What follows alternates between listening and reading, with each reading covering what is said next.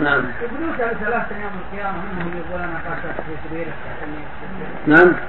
يؤتى بثلاث يوم القيامة. يقول الرب أني قلت قاتلت في سبيلك حتى نعم هذا حديث صحيح. فكيف يمكن أنهم ما يرون الكفار رب العالمين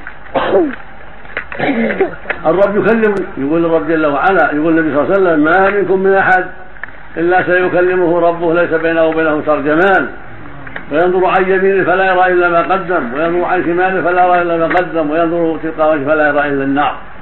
فاتقوا النار ولو بشق تمره ما يلزم من كلام الرؤيا الرؤيا شيء وكلام شيء. وهو يكلم سبحانه وتعالى جميع الخلق ولكنه لا يراه إلا المؤمنون. ثلاثة يؤتى به يوم القيامة مجاهد وقارئ ومتصدق. فيقال للقارئ العالم فيما تعلمت العلم وقرأت القرآن قال قرأت فيك القرآن وتعلمت فيك العلم. فيقول الله له كذبت وتقول من كذبت ولكنك تعلمت ليقال عالم وقرأت ليقال قارئ. ما تعلم لله ولا قرأ لله. فيؤمر به فيسحب إلى النار على وجهه نسأل الله ويؤتى بالمجاهد فيقال له فيما جاهد؟ قال جاهدت في سبيلك. أمرت بالجهاد وجاهدت في سبيلك. قال كذبت. تقول لهم لا كذبت ولكنك جاهدت يقال هو جو- هو جريء يعني هو شجاع.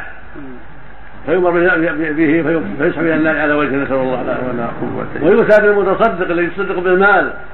فيقال فيما تصدقت قال أمرت بالصدقة في سبيلك فما تركت من سبيل تحب أن ينفق فيه لا أنفقت فيه. قال كذبت.